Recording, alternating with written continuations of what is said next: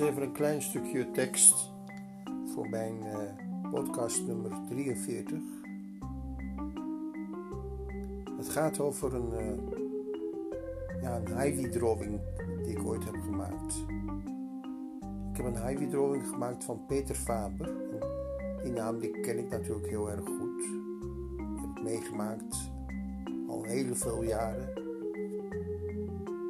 Maar vooraf wil ik je een nummer laten horen. Een heel bijzonder nummer.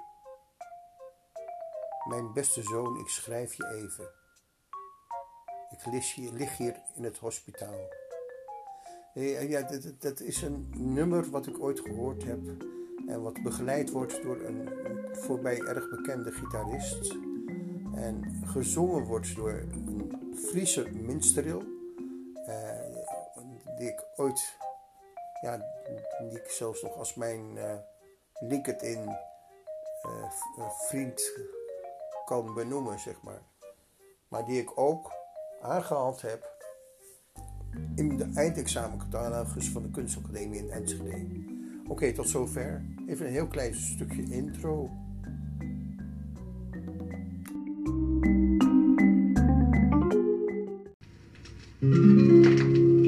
Mijn beste zoon ik schrijf je even. Lig hier in het hospitaal. Ik hoop dat jij het me kunt vergeven. Weet je, ze wilden het allemaal.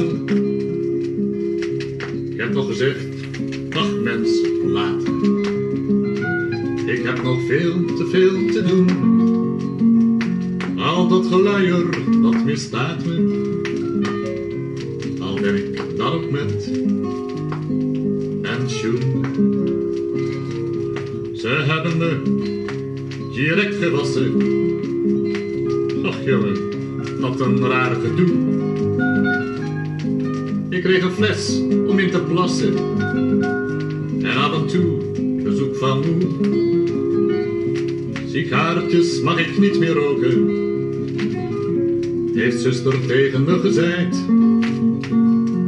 Die wet had ik al lang ontdoken.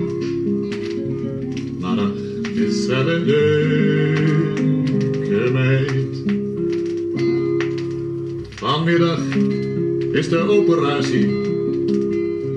De dokter heeft het net verteld. Dan krijg je pa als geld donatie. Misschien het groot kruis opgesteld. Nee, ik ben echt niet bang van binnen. Als het misgaat, heb ik fout geschat. Maar wat moet moe alleen beginnen?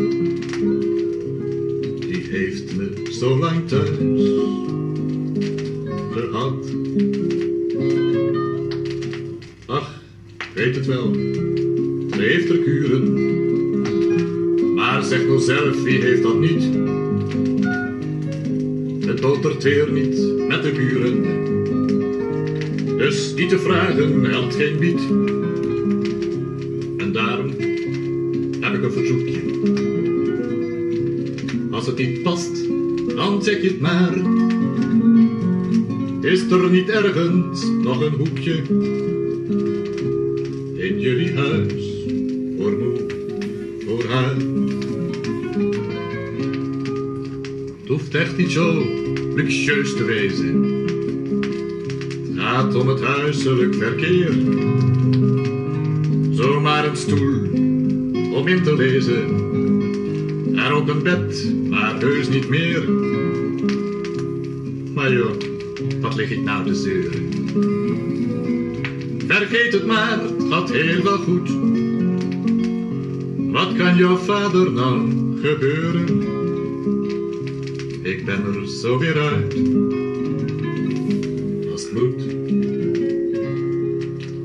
Mijn beste jongen, ik stop met schrijven. Ik ben gewoon een beetje moe. Zeg als ik nou lang moet blijven. Kom jij dan ook een keertje toe? Ach, ik weet als baas heb je wel drukte. Maar ik heb je zo lang niet gezien.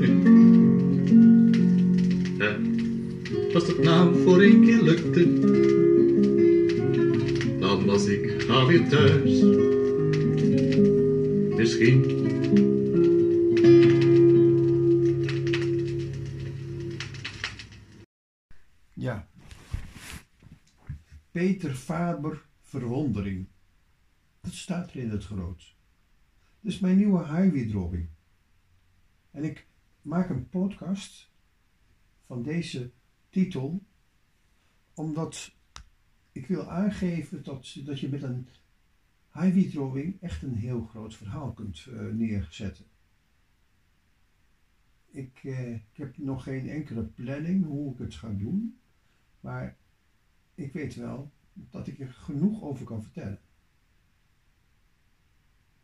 Kijk, kijk bijvoorbeeld naar de naam Peter. Peter, die naam ben ik heel erg vaak tegengekomen. Voor mensen die een hele belangrijke rol in mijn leven gingen spelen. En dan begin ik natuurlijk met mijn oudste broer Peter, die op 21-jarige leeftijd zichzelf verhangen heeft. Opgehangen op zolder. En ik heb hem ontdekt. Dat is een ingrijpende gebeurtenis geweest, waar ik heel veel meer over kan vertellen natuurlijk, maar omdat de tijd altijd beperkt is en, ik uh, nu eigenlijk me wil concentreren op deze highway ga ik daar niet te lang over uitweiden. Alleen dat het een moment was dat ik niet verwacht had. Ik, ik heb hem zelf gevonden. Hij zich opgehangen in de zolder, op zolder. En ik was alleen thuis die nacht samen met mijn vriendin Witske. En mijn uh, vriendin Witske werkte bij de uh, postbank, uh, of de Giro heette dat toen nog. Dus die was niet thuis. En ik was alleen thuis en ik had een baantje gevonden voor mijn oudste broer. Hij zocht werk. Hij zocht iets om, om handen te, te hebben. En toen had ik een baantje gevonden bij de Miro.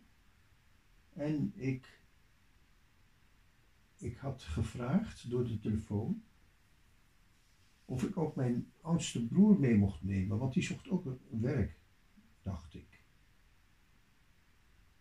Ja, neem maar mee. Was goed. Dus ik razend enthousiast naar boven rennen. En dan krijg ik dus de schrik van mijn leven. Iets, iets wat dus eigenlijk hele grote consequenties in heeft gehouden. Want wat er op dat moment in het tijdsbestek gebeurd is. Op zo'n moment, ik, ik rende naar de overkant en, eh, en ja, de, de, de mensen die op het huis hadden gepast, die vertelde ik het. Ik moest het vertellen aan iemand. Ik moest het delen met iemand. En het was een oud vrouwtje. Oh, ze schrok haar dood. Ze, ze, wist niet wat ze daarmee moest doen. Uh, de, de, oudste zoon van die familie, uh, die, die is ook gaan kijken in het huis en heeft gekeken of hij nog iets kon betekenen, maar dat kon hij natuurlijk niet. Hij was al een dood. Uiteindelijk is er een oom van mij uh, naar me toegekomen als eerste. En dat was mijn oom Henny. Oom Henny was, kwam naar me toe. Hij, hij was een man uh, met een ja, goed hart en een warm persoonlijkheid. Hij heeft mij kunnen troosten. En daar was ik heel blij mee. Hij heeft gewoon ook gezegd van Hans, Ga nog een keertje kijken. Ga samen kijken. Ik ben samen met hem de trap opgelopen en ik heb mijn broer even zien hangen. Voor de tweede keer.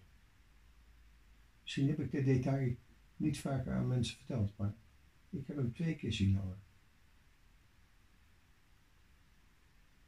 Ja.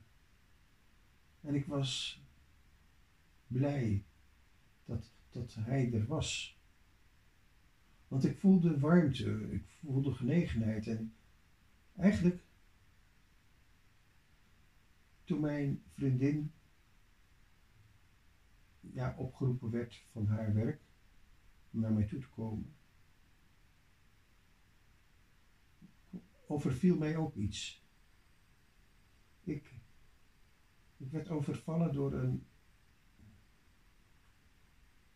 uh, een afstand. Zij, zij was perplex. Ze was helemaal spraakloos. Zij kon niks geven. Op dat moment. Ze was zo in een shock. En ja, dan bedenk ik mij gelijk dat, ik, uh, dat wij die nacht naar een uh, bandrecorderopname hebben geluisterd van Boudewijn de Groot. En op die band stond een nummer. Een nummer van het heksensabbat. Dat heb ik nooit vergeten. En daar werd gezongen van Satan is hier. Nou, ik weet niet of ze dat zich nog herinnert, haar nog herinnert. Maar dat heeft natuurlijk een grote indruk gemaakt. In ieder geval, Ik heb daar staan, Peter is een, een vriend van mij. Ik ben net teruggekomen van de Filipijnen. En toen ik terugkwam, toen, ja, toen was er iemand die wij een half jaar niet meer had gezien. Een, uh, ja, iemand waar ik jarenlang goed mee om was gegaan. En opeens was er iets gebroken en hij, hij vond het maar niks dat ik als mijn liefde God had. Voor mij is liefde God. Voor mij is dat een hele belangrijke plaats geworden. En dat is iets wat ik mezelf eigenlijk nooit voor mogelijk had gehouden. Ik had me nooit voor mogelijk gehouden dat ik ooit gelovig zou worden. Geloof zou krijgen in God. En dan, dan goed te begrijpen dat het een God is die niet, niet in de religieën thuis hoort. Die eigenlijk niet religieus. Het hele woord religieus, dat wordt eigenlijk een, een beetje geschrapt in mijn uh, denken. Want religie dat is altijd georganiseerd door mensen. En God is dat niet. God is, God is Jezus. En Jezus is God. Als je daarachter komt, en dat is niet zo gemakkelijk, want uh, ja, heel veel mensen hebben daar heel veel moeite mee. Ja, het is, het is toch de vader en het is toch dit en het is toch dat? Nee, helemaal niet. God is gewoon Jezus. Als je daar gewoon eens van uitgaat, dan, dan wordt het hele begrip God, of Jezus, veel helderder. Dan kom je erachter dat Jezus een prachtige naam is. Een schitterende naam. Heel erg zoet en heel, heel, heel erg rijk. Ja. En dan was het een vriend die plotseling mij niet meer wil zien omdat ik te veel in God zou zijn. Ik moest, moest de hele God maar vergeten, want dat, het, ja, die hele eh, groep waar ik mee samen was, dat was maar niks. Dat sneed mij heel erg. Ik vond het helemaal niet leuk. Ik, ja, ik kwam hem nog heel vaak tegen in een bibliotheek en dan dan zag hij me gewoon niet. Dan deed hij gewoon net alsof hij mij niet zag. En ik, ik, ik irriteerde mij daar elke keer weer aan. Als ik in de bibliotheek kwam en ik zag hem zitten, dan dacht ik: Mijn God, wat heb ik deze man aangedaan? Waarom doet hij zo raar? En ja, toen ik weer terugkwam, naar uh, eigenlijk vier maanden weg geweest te zijn, wie was er op zoek naar mij gegaan? Die vriend. Hij was bang dat hij in de psychiatrische inrichting terecht zou komen. En dat hij helemaal ja, niks meer te pakken zou krijgen. Ik bleek zijn enige toeverlaat te zijn. Wat? Ik? Ik, ik, ik had er, ja, in principe ben ik open voor iedereen. Maar toen ik mijn vrouw vertelde, toen, nee, nee Hans, je moet er nog niet te veel mee, mee ingaan. Hij, hij, is, hij heeft een probleem, hij heeft een, iets waar je uit moet komen en dan moet hij zelf uitkomen. En ik denk dat hij gelijk heeft, dat zij gelijk heeft. Dan staat er als, als derde schoonvader, mijn ex-schoonvader. Staat er heel klein bij. Peter was mijn ex-schoonvader. Nou, dat, dat, dat, dat is een verhaal op zichzelf. Hij, mijn ex-schoonvader is een, uh, was eigenlijk een Neerlandicus. Iemand die Nederlands had gestudeerd aan de universiteit. En hij was als werk gaan lesgeven. In een uh, middelbare school in Leiden. En nou, dat was allemaal heel erg leuk en helemaal, helemaal aardig. En hij had één grote hobby. En dat had hij ook nog verder uh, in gaan studeren. Het dramaturgie had hij gestudeerd. En hij had toevallig les gehad van een hele bekende dramaturg, of een hele bekende uh, regisseur ook. En dat was Erik Vos. Erik Vos had als leerling Peter Lindelo. En dat was mijn ex-schoonvader. Hij had het vak dus geleerd van een heel groot voorbeeld. Erik Vos. En het toeval wil dat, dat ik die naam Erik Vos al eerder op het spoor was gekomen. Ik had namelijk ooit eens een ehm, plan gehad met Mikri Theater. Ja, ik had, ik had natuurlijk uh, theater gekozen op de kunstacademie, scenografie heette dat.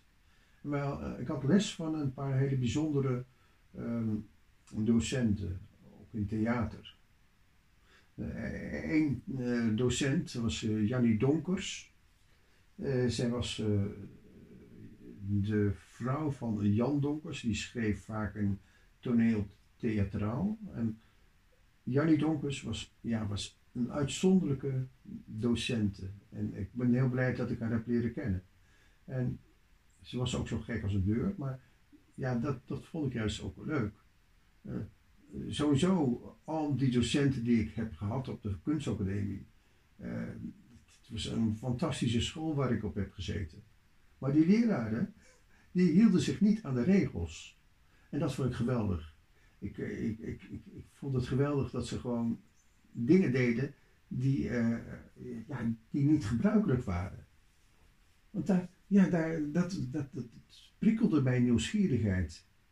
Uh, bijvoorbeeld, uh, om een klein voorbeeldje te noemen, we hadden een docent en die heette Karel Visser. Karel Visser is een gerenommeerde, bekende Nederlandse kunstenaar. En wij hadden les van hem in het eerste jaar. En ja, het enige probleem was dat wij dan om negen uur zouden beginnen, maar hij kwam nooit op tijd.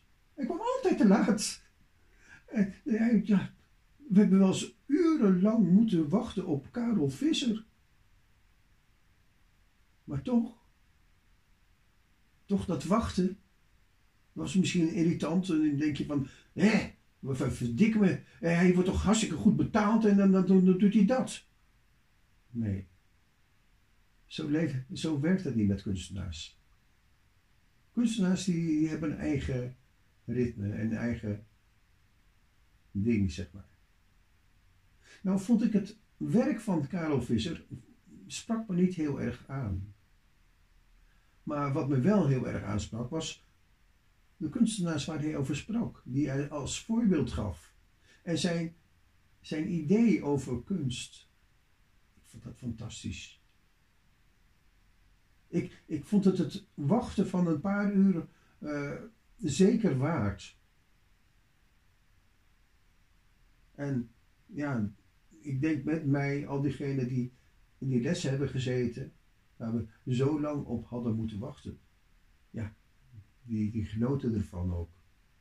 Die zagen in Karel Visser echt een, een superdocent. Dus een superdocent is niet iemand die altijd punt op tijd komt, voor mij. Nee. Maar goed, uh, Jannie Donkers had ik het over. En die had mij aangeraden om contact te gaan zoeken met het Mikri-theater. Dat Mikri-theater was een netwerk van alles bij elkaar. En zij had mijn passie voor, uh, voor poppenspel begrepen. En ze had mijn passie voor, voor, voor, voor, allerlei theater had, had zij uh, gezien in mij. Ik, ik had niet voor niks ja, de twijfel voordat ik naar de kunstacademie ging. Zal ik naar de kleinkunstacademie gaan of zal ik naar de kunstacademie gaan? Kleinkunst of kunstacademie? ja, grappig is dat ook. Nou, ik heb uiteindelijk uh, gekozen voor de, uh, ja, omdat ik dacht, ja, ik, ik, heb, ik heb maar een MAVO-opleiding. En ik, er was toevallig in Leeuwarden, waar ik opgroeide, was er een avondschool. En die avondschool, daar kon je opkomen met een MAVO-diploma. Ja, dat, dat was beter mogelijk dan op de dagschool.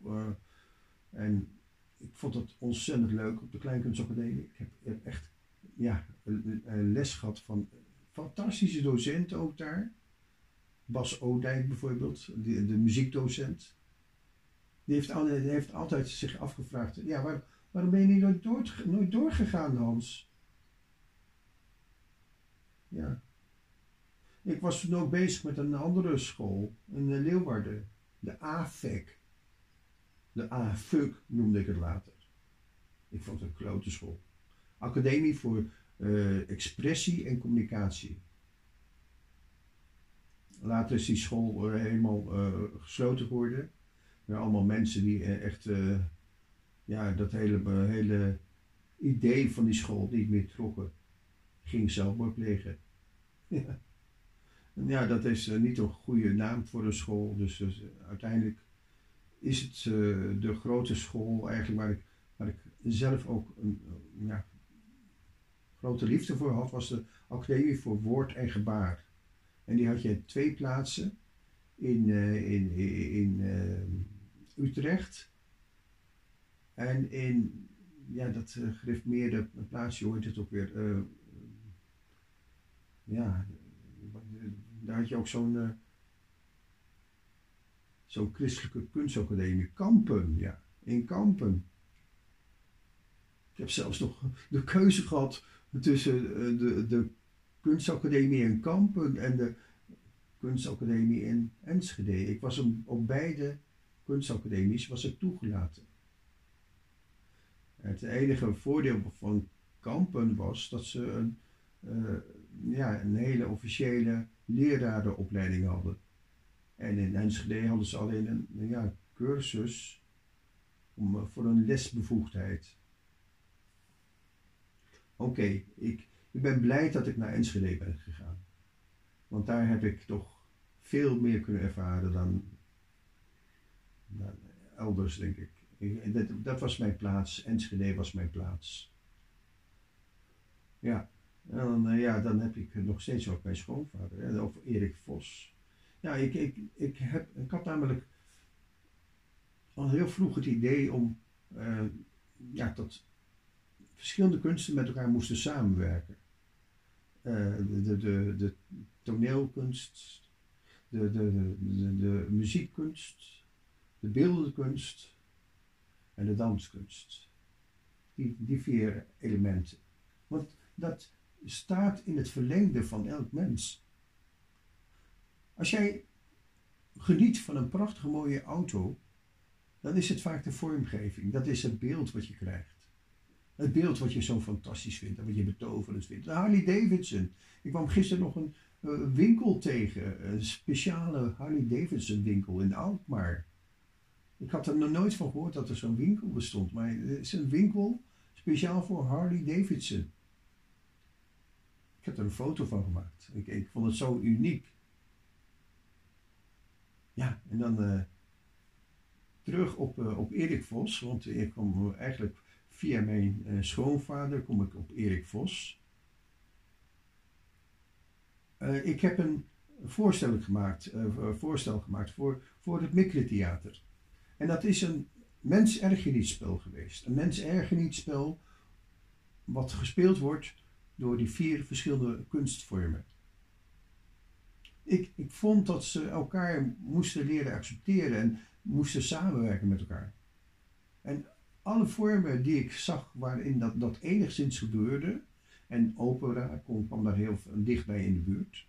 Uh, vandaar dat ik zo gek op opera ben geworden op een gegeven moment.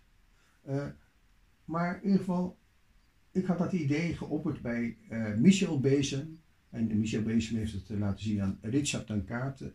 En uh, samen hebben ze erover gehad. Maar wat ik toen niet door had, was dat ze eigenlijk helemaal geen geld in hadden. Ze hadden geen subsidie bijna meer. Nou, zijn opgedoekt, maar uiteindelijk heb ik, uh, heb ik wel het idee uh, gelanceerd bij het Mikri Theater. En toen heb ik een, mijn laatste gesprek met Michel Bezem. Toen, ja, toen wilde hij toch een beetje afkomen. En toen zei hij van ja, oh, Hans, dat is al eens een keertje gebeurd. En dat, uh, dat, dat, dat, al die kunsten bij elkaar brengen.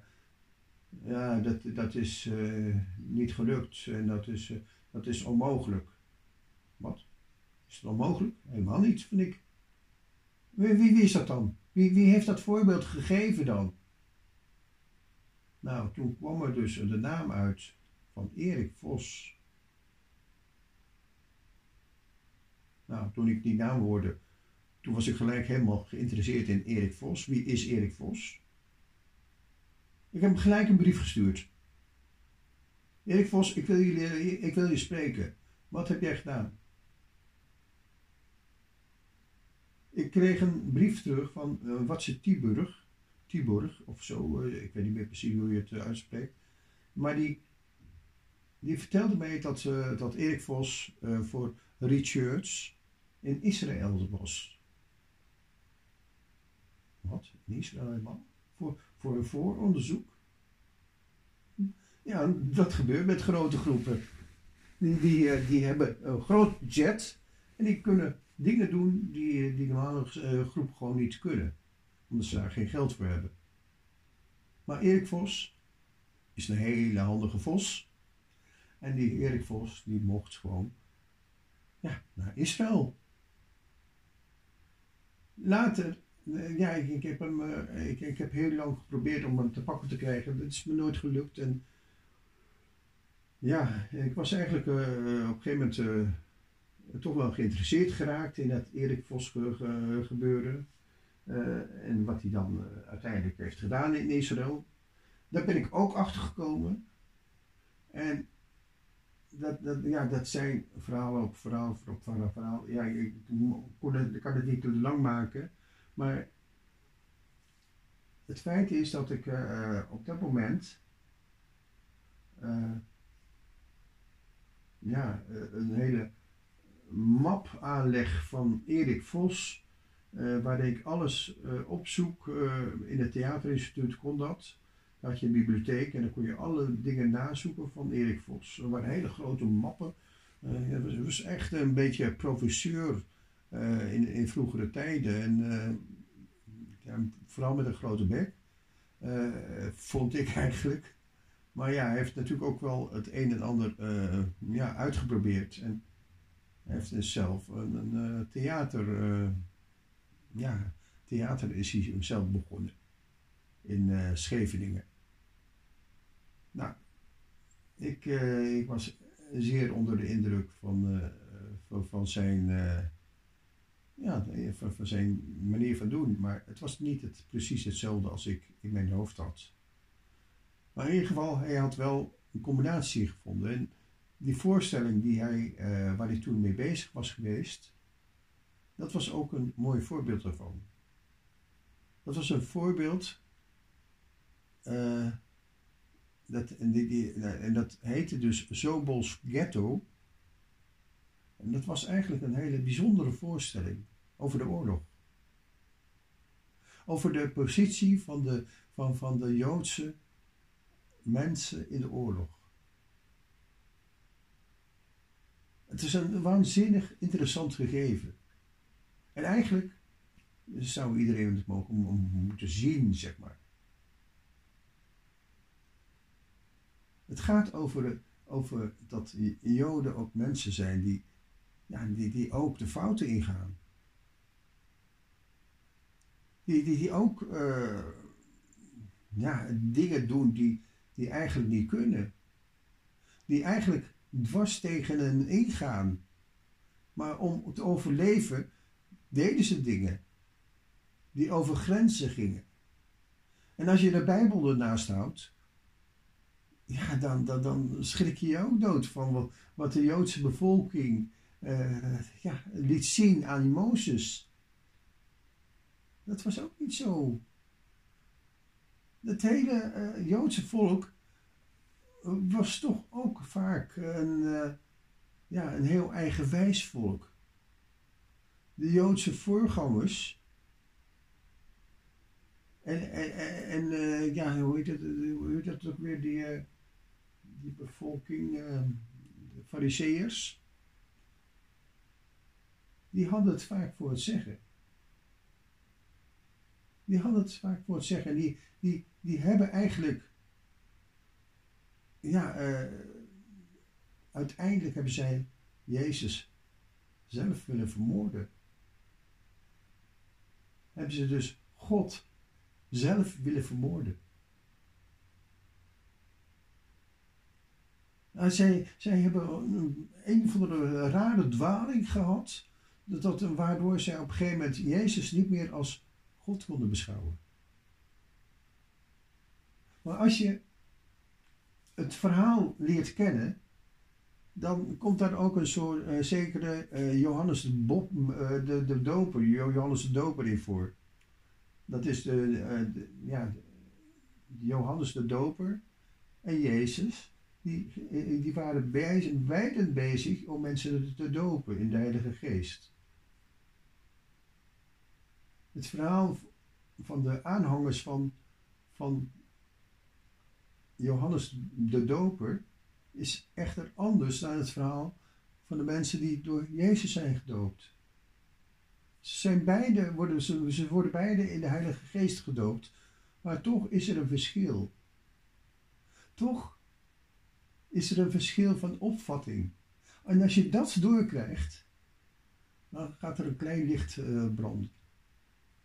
Maar je moet het wel eens doorkrijgen. Oké, Genoeg. Genoeg hierover. Ik, kan er uren over praten, maar dat doe ik niet. Ik, ik had het over mijn schoonvader. Mijn schoonvader was dus leraar Nederlands en met een grote hobby uh, theater. Nou, is het in zijn leven voorgekomen dat hij ja, op een gegeven moment getrouwd was met, uh, met uh, de vrouw. En die was dus kleuterlijster en uh, die was ook heel erg creatief. Die was naar de Vrije Academie gegaan, een soort amateur uh, kunstacademie zeg maar. Eh, in Den Haag is dat. En daar had ze echt ja, andere mensen leren kennen in Den Haag. En een van die mensen, dat was een bekende, ja, is nu op dit moment een bekende popspeler geworden. En die, ja, met hem wilde, hij, wilde ze even samenwerken. En ja, toen heeft ze haar vriendje, die dus uh, dramaturg was, heeft ze er ook bij betrokken. Maar ze heeft dus een productie gemaakt als eerste. Heeft zij een productie gemaakt. Want haar vader, ja, die, zat ook, die deed ook iets met hoorspelen. En dat was heel fascinerend wat, wat ze haar vader ook deed. Ik, die heb ik ook persoonlijk toch leren kennen. is een, een fantastische man. En ook haar moeder ken ik ook persoonlijk. Die, eh, maar die, die had dus een uh, stuk gemaakt over de wolken. De, de, de, wolkenjas. en als je de wolkenjas hoort, dan moet je dus denken aan, ja, toch ook aan God. God, God is in de vorm van een wolk het Joodse volk vooruit gegaan. Dat, dat kan je lezen in Exodus. in het, ja, de, de, grote tocht van van Mozes door de woestijn heen. En ja, die zee dan op een gegeven moment open gaat en zo. Heel veel, dat zijn prachtige verhalen. En ja, ik heb er heel veel van geleerd. Ik heb er heel veel van geleerd om het hele boek toch wel heel nadrukkelijk te gaan lezen. In een begrijpbare taal. Oké, Goed, de wolkenman, uh, de wolkenjas uh, die ontstaat. Het wordt een groot succes. In een krakeling in Amsterdam notabene. En er wordt heel vaak gespeeld. En ja, daarop krijgt haar vriendje, haar man inmiddels, krijgt ook de smaak te pakken. En die, die wil ook regisseren. Regisseren en verhaaltjes schrijven. En dat doet hij ook. En hij gaat ook kunstzinnige tekeningetjes maken maar het, het, was eigenlijk een puntje precies, man. Het was een heel ander mens dan echt een creatief iemand. Nee, hij was, hij was van het theater en hij, hij, wist het eigenlijk ook niet zo goed wat hij allemaal moest. En uh, hij heeft dus, uh, hij was wel handig en hij, hij kon ook regisseren en hij heeft dat ook gedaan. Hij heeft eigenlijk een hele bekende poppenspeler van dit moment, Fred Delfgauw, heeft hij opgeleid. Hij heeft ja, jarenlang met hem samengewerkt. Eigenlijk ja, was, was, was Fred Delfgauw zijn eerste ja, gouden kalf, zeg maar. Zijn eerste uh, ja, experiment dat hij inderdaad zelf ook kon regisseren. En ja. Maar wat is dat nou, dat regisseren? Wat, ja, waar, waarom ben ik niet een fan uh, toch uiteindelijk uh, zozeer van Erik Vos en ook niet van mijn stiefschoonvader of een ex-schoonvader? Dat is omdat zij theater, toneel toch ook wel een beetje in de praktijk gaan toepassen. In de praktijk willen uitspelen. En dat klopt niet. Toneel is een vorm waarbij je eigenlijk een, uh, ja, uh, als, als ware in het boek van Acts, zeg maar. Uh, daar, daarom heb ik hier ook bij staan van The Story of Acts. Het boek van handelingen noemde je dat in het Nederlands. Uh, dat gaat eigenlijk over dit gegeven. Het, het, boek Handelingen is een waanzinnig boek voor mij. En uh, helemaal wanneer je het verhaal van Stefanus gaat begrijpen, is het geweldig. Een geweldig boek. En ook als je doorkrijgt dat dat er een uh, tegenstander van, die, uh, van God is en die heet, uh, die heet Saulus. Saul, Saulus, ja. En die wilde eigenlijk die, die, ja, al die volgelingen van Jezus wil hij van kant maken. Die wil hem doden. Nou ja, als je dan doorkrijgt dat Saulus ja, op een gegeven moment tot een val gebracht wordt en dat hij eigenlijk een, ja, een hele grote uh, verandering gaat, ondergaat. Ja, hij, was bij wijze aan, zoals uh, uh, Peter Faber dat omschrijft, hij was niet wakker. Hij, hij was eigenlijk aan het slapen en in zijn slapen wilde hij iemand vermoorden. wilde hij mensen vermoorden. Volgelingen van, van Jezus Christus wilde hij vermoorden. Daar genoot hij van. Hij, hij was de jassenoppasser van, van de mensen die uh, een, echt een heilige man uh, met de naam Stefanus, die echt alles, alle linken goed had begrepen. Ja, die, die, die, die, moest dood van uh, Saulus. Hij heeft, hij heeft mensen aangemoedigd om, hem, om, om die Stefanus dood te, dood te gooien met stenen. Nou, dus, leuk voorbeeld, zo'n zo'n Saulus. Maar als je het verhaal gaat volgen in, in handelingen, dan, dan kom je erachter dat, ja, wat er uiteindelijk met, met die Saulus is gebeurd. En dat hij eigenlijk Paulus is geworden. En dat Paulus, ja, eigenlijk uh, voor het grootste gedeelte dat hele Nieuwe Testament heeft geschreven. Nou, als je het zo gaat bekijken, dan, dan, dan kan je gewoon heel anders kijken naar het hele Bijbelverhaal. Je moet dat loskoppelen van al die kerkgebouwen met die hoge punten. Dat slaat ergens nergens op. Er zijn allemaal tradities, menselijke tradities. En die komen helemaal niet voor in die Bijbel. In, de, in die zin. Het woord kerk, alleen al. Mensen, als ze, als het woordje kerk horen, denken aan het gebouw. Maar het is helemaal niet dat gebouw. Het is een, ja, het samenkomen in een, in een, op een plaats wat je een tempel noemt. Maar het woord kemp, een temp, uh, kerk als gebouw, dat komt niet voor in de Bijbel. Het is het samen zijn, het, het samen delen. Daar gaat het om.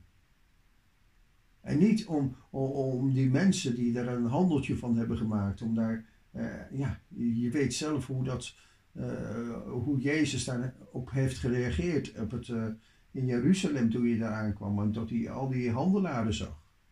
Hij werd razend. Dus het enige moment waar, waarop Jezus kwaad werd, was op dat moment. Dat hij allemaal mensen zag die er helemaal niks van begrepen.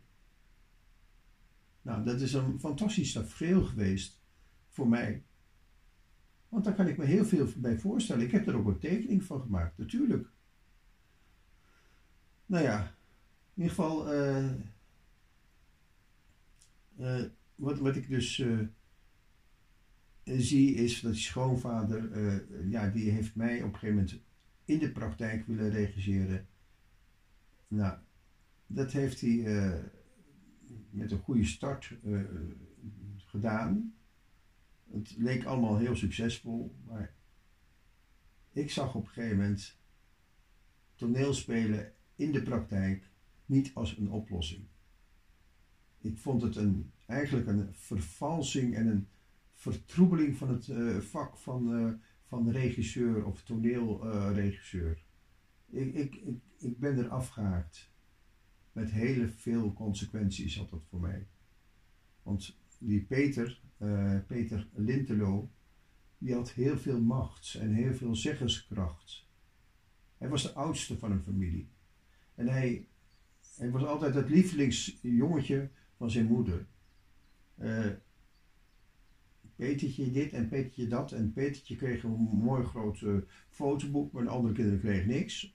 En uh, ja, zo kan je, kan je doorgaan. Hij, hij, was eigenlijk een, een vreselijk uh, ziekelijk uh, verwend jongetje. Die altijd zijn zin moest krijgen. En ja, dat, dat, dat, daar moet je ook maar tegen kunnen. En dan moet je maar uitzien te redden. Dat, dat vond hij moeilijk. Ja, ik heb, ben heel veel met hem opgetrokken. Met, met hem op vakantie geweest. Heel veel dingen ondernomen. En ja, hij, hij was dan ook degene die mij heel graag naar uh, Soetermeer wilde laten vertrekken. En hij wilde wel borg staan voor een huis.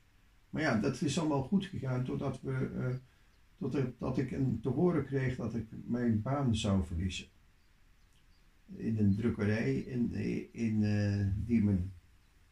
Nou ja, dat is een heel ander verhaal. Oké. ik ga naar het volgende. Er staat ook een broeder onder. De broeder. Broeder is ook Peter. Peter van Klaveren, denk ik aan. Dat is een hele prima broeder, waar ik heel veel, die heel veel weet van de Bijbel ook. En heel veel begrijpt ook. Hij is ook een leraar. Maar een leraar die, die naar mijn hart is. Die mijn broeder is. Die echt mijn broeder is. Dus de broeder, Peter, is, uh, ja, is mij het meest dierbaar. En dan heb je natuurlijk, uh, ja, de Peter die, die, die echt mijn tegenstander is. Uh, die mijn tegenstander soms kan zijn. En die eigenlijk mij, mij bij die kerk vandaan wil houden. En voor, bij, bij, bij God vandaan wil houden. Ja, die man, dat, die, die heb ik dus uh, kort geleden weer, weer leren kennen. Nou ja, dat eigenlijk even over een heel klein stukje over uh, de naam Peter alleen al. Ga ik nog even verder naar naam Faber. Want die naam is mij ook niet onbekend. Naam Faber is in mijn leven gekomen toen mijn moeder, toen mijn moeder stierf. Mijn moeder is gestorven vanwege een, uh, ja, een, ongeluk. En je kunt heel gemakkelijk zeggen dat, dat, uh, ja, er was een dronken man, automobilist, uh, op de weg, aan de verkeerde kant van de weg. En die reed frontaal tegen de auto van mijn ouders. Moeder op slag dood, mijn broertje na acht uur operatie. Nou, daar kan je allemaal conclusies uittrekken van dit is zus en dat is zo en dat is zo en dat is zus. Slaat eigenlijk allemaal nergens op. Het gebeurt gewoon. Het uh, zijn dingen die voorkomen. Maar wat heel veel mensen niet weten, is welke rol ik daarin heb gespeeld. De rol die mijn vriendin destijds in heeft gespeeld. Want vier dagen voordat dit ongeluk eh, heeft voorgekomen, heeft er een behoorlijke ruzie plaatsgevonden. Een ruzie tussen mijn toenmalige vriendin Bernadette, Bernadette Beunk, en mijn vader. Mijn vader zag hoe uh, mijn, uh, mijn Bernadette van invloed op mij kon zijn. En zag ja, hoe, hoe ik bespeeld werd. En, uh, en, maar Bernadette zag ook weer hoe ik bespeeld werd door mijn ouders. En dat was eigenlijk een botsing tussen die twee. En ik was de speelbal. Ik, ik zat er eigenlijk dus, dus in. Ik liep me gemakkelijk overhalen. Dat heb ik altijd gehad, een beetje. Nou ja, misschien is het de weg van de minste winstand, uh, weerstand, maar ik heb me gewoon. Uh, ja, ik, ik, was niet uh, overtuigd genoeg. Ik, ik, ik, hield van mijn. ik was gek op mijn broertje en zusje. Ik was gek op mijn ouders. En ik, uh, ik vond het jammer dat er af en toe ruzie was tussen mijn ouders. Later heb ik begrepen, toen, uh, toen, ja, toen mijn moeder wegviel, dat het seksleven voor mijn vader en moeder al tien jaar helemaal kloten was. Dat krijg je te horen na de dood van je moeder, van je vader. Is niet leuk. Maar het had dus een reden. Alles had een reden. Uh, alles komt naar voren ja, op, een andere manier dan dat ik gedacht had. En ja, mijn leven stond eigenlijk ook weer helemaal op zijn kop, want ik was op dat moment bezig met een hele interessant uh, decoropdracht voor een uh, danstheatergroep. Die ik op een hele bijzondere manier had leren kennen. En ja, dat, dat, dat viel allemaal in duigen. Ik, uh, ik heb er heel veel meegemaakt, zeg maar. Eigenlijk door die, uh, ook door dat ongeluk van mijn uh, ouders. En die vader die in mijn leven kwam, die eigenlijk een grote tegenstander van mijn moeder was. Mijn moeder vond, dat het maar, vond haar eigenlijk helemaal niks. Vond het een kutwijf. Maar goed, dat heb ik dan weer via een andere buurvrouw vernomen. en zo eh, verneem je van alles, van iedereen en van alles, van alles en iedereen. Uh, ja, het Nederlandse woordje geluk, daar heeft uh, Peter Faber het ook nog over. In zijn uh, ja, gedeelte over de verwondering, waar hij zich dan werkelijk over verwondert. Hij verwondert zich over uh, ja, dat er dingen ontstaan. Um, ja, dat geluk bestaat niet, zegt hij. En het ontstaat. Geluk ontstaat. En dat, dat, refereer ik gelijk met uh, ja, de, de stelling van uh, Dirk de Wachter. Die heeft ook de pesthekel aan aan al die mensen in Nederland, die, die geluksjagers, zeg maar, die uh, geluk als het hoogste doel zien. Dat je gelukkig bent, dat Nederland het meest gelukkige land van de hele wereld wordt in het jaar 2020. nou, dat was het motto van David en Arjan. Nederland het meest gelukkige land in 2020. Ja hoor. Zo. Oké. Nou ja, dat waren dus ook weer twee handige uh, zakenmannen. Die eigenlijk met, met allerlei verhaaltjes aan elkaar vastknopen. En dan ja, zich met een weg banen door dit leven heen. En uiteindelijk hele dure jaarprogramma's gaan verkopen. Het zijn ja, het is een wonderbaarlijke weg die ik uh, ben gegaan eigenlijk. Uh, want ik heb heel veel mensen leren kennen, ook in het social media. Zoals Anna Rijmakers. Zoals ja, die, ehm, Dolly. Dolly Heuveling. En ehm, ja, hoe, hoe, heet, hoe heet die andere ook weer? Die, Simone. Simone, ja. Ik weet niet meer hoe ze verder heet. Simone en uh, Dolly en uh, ja, de Eelco de Boer natuurlijk. En nou, weet je wat, wat ik uh, bij, bij Sarayda, die heb ik dus al een tijdje nu gevolgd. En ben ik nu bezig met een cursus. Maar met Sarayda die bleek al die, al die social media mensen, en zelfs die laatste twee die ik nu eigenlijk nog steeds een beetje volg, die, uh, die nu in Utrecht zijn begonnen met een nieuw pand.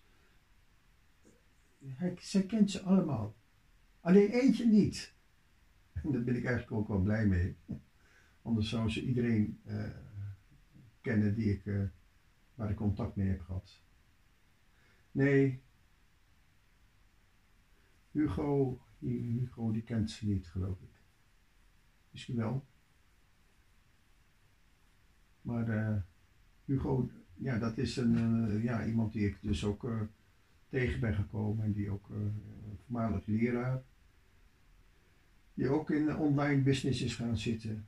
Die mij nog steeds herhaaldelijk ja, dingen aanschrijft. Mij warm wil maken voor zijn cursussen. Ik kan ze nog steeds niet betalen, helaas Hugo. Maar misschien ooit eens. Ik ben nu bezig met, uh, ja, met, met Sarayda. En ik hoop dat het iets op gaat leveren. Oké. Nou ja, ik heb uh, deze hydrodroming gemaakt. Ik weet niet hoe lang ik erover gekletst heb nu. Ik heb nog lang niet alles verteld. Ik heb een uh, gedeelte gemaakt. ja, ik heb hem natuurlijk, uh, ik bewonderde eigenlijk uh, Peter Faber dat hij nu met gevangenen werkte. Uh, dat ben ik ook tegengekomen bij Nico ten Linde. Die heb ik ook persoonlijk leren kennen. En ook ja, met een zeer ja, wonderlijke radio-uitzending eigenlijk. Ja, Nico Talinde maakte, kwam voor de radio en die trof mij ten zeerste, omdat hij gewoon ja, sprak vanuit een toon, vanuit een klank, die mij gelijk raakte. En hoe kan dat? Hoe kon Nico Terlinde mij zo goed raken? Nou, daar ben ik later achtergekomen dat Nico Terlinde dus ook een grote waardering, net zoals ik had, voor al die verschillende kunsten. Hij waardeerde al die verschillende kunsten als, als, als gewoon hele belangrijke voorbeelden. Misschien weten weinig mensen dat, maar hij heeft zich dus laten regisseren voordat hij op de radio kwam. Want hij, hij, hij was erachter gekomen dat wat je zegt voor de radio, dat is best wel heel belangrijk. Want heel veel mensen nemen dat gelijk aan. Dus je moet er goed voor, mee voor de dag komen. Dus wat dacht Nico? Nico dacht, ik moet me goed laten regisseren. Want dan leer ik dat. Dan leer ik hoe ik mij goed moet overdragen. En hij gelijk in, helemaal gelijk. En hij ging niet naar de eerste de beste. Nee, hij ging naar een hele bijzondere vrouw toe. Hij ging naar Cox Habema. En misschien zegt je die naam helemaal niks.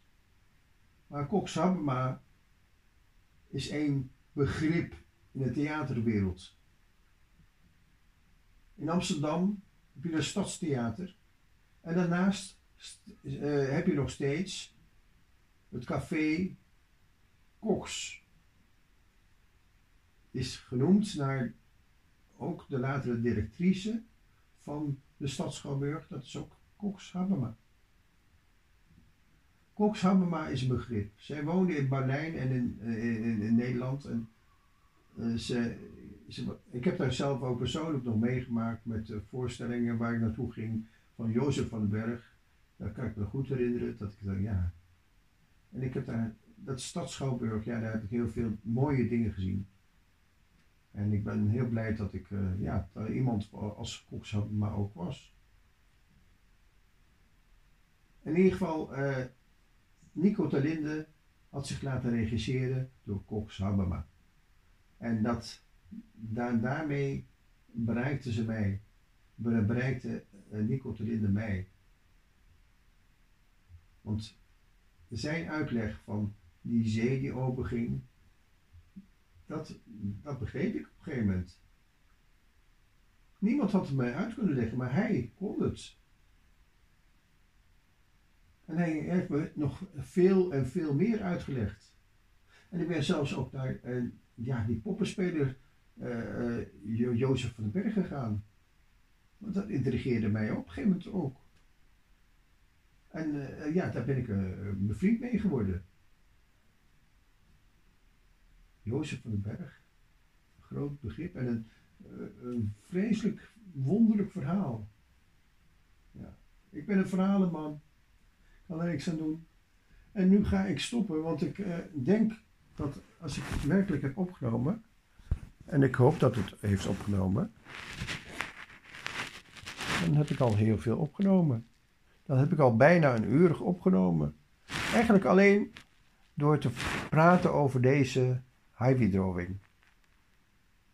En dit, dit is dus uh, ja, een basis wat ik gebruikt heb om nou even een klein ja, uh, stukje te vertellen. Ja, ik heb het nog niet eens gehad over uh, de rampzalige jeugdbekentenis van Peter Faber. Dat was nieuw in, in het programma De Verwondering voor mij. En dat was eigenlijk de meest grote schok eigenlijk. Maar ook kan ik daaruit voort, voortbrengen? Ja, dat hij zegt van geluk bestaat niet, het ontstaat. En al zijn gedachtegangen, die, die ook nog niet echt helder zijn over het begrip Gods, daar, ja, dat, daar zit hij nog steeds mee te worstelen volgens mij. Maar ik vond het wel heel mooi dat hij ook met gevangenen werkte. Net zoals Nico Tarlinde dat in het begin heeft gedaan. Die heeft zijn opleiding gedaan. Die wilde eigenlijk helemaal geen predikant worden. Maar toen hij in, de, in het leger kwam, een dienstplicht moest vervullen, toen, ja, toen was er een uh, legerpredikant die, uh, die heel erg ja, mooi kon vertellen.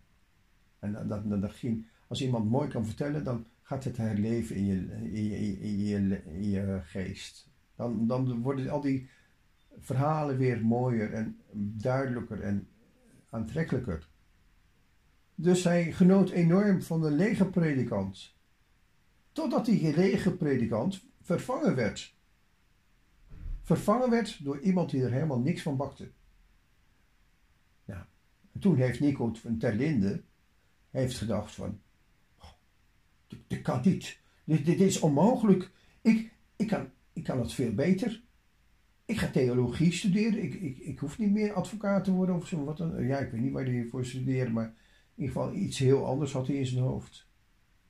Waarschijnlijk een, een, een duur baantje of zo. Maar hij is toen predikant geworden. Hij heeft zelfs de Bijbel uh, willen herschrijven in, uh, in, in, drie grote boeken, waarin hij uitleg geeft aan mensen die niet geloven. Dus ja, dat is ook al heel wonderlijk dat, je, dat, je, dat de Bijbelboeken ontstaan voor mensen die al geloven. En dat er eigenlijk vrijwel niks bestaat voor mensen die niet geloven. Nou, maar dat heeft hij dus in zijn uh, ja, opleiding van, als predikant gehad. Toen heeft hij een uh, leerschool gehad in huizen van bewaring. Dus in gevangenissen. Nou, daar heeft hij een prachtig mooi boek over geschreven. En dat, dat, heeft een grote indruk op mij gemaakt. Zonder meer. Oké, tot zover deze, ja, deze uitweiding over eh, één highway van, uh, ja, van, van bijna een uur. Ik hoop dat je het boeiend vond om naar te luisteren. En zo niet, nou dan helaas, sorry. Tot zover.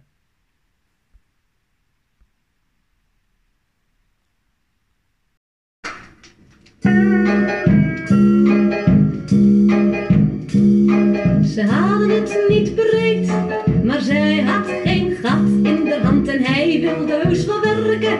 Dus dit jaar naar het buitenland.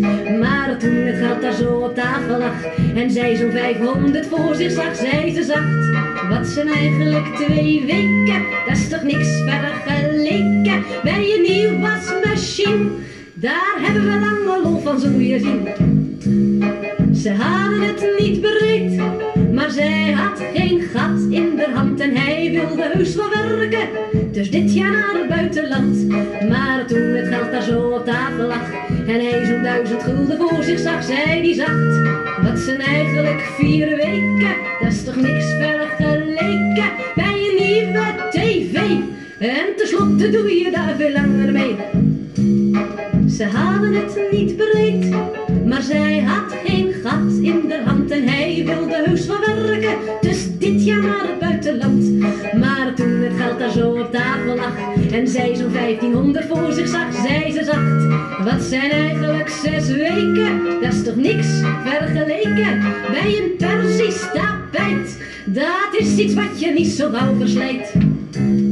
Maar toen hij na al die jaren moe geworden was van de arbeid en het sparen, werd hij van zijn werken bevrijd. Hij kreeg vakantie, maar nou eentje voor altijd. En na zijn dood liet zij over het geld zo haar gedachten gaan. We hebben het in het verleden met z'n tweeën toch wel goed gedaan. Want de herinnering aan zo'n vakantie zit uiteindelijk toch maar hier. En van al die mooie spulletjes heb ik nog dagen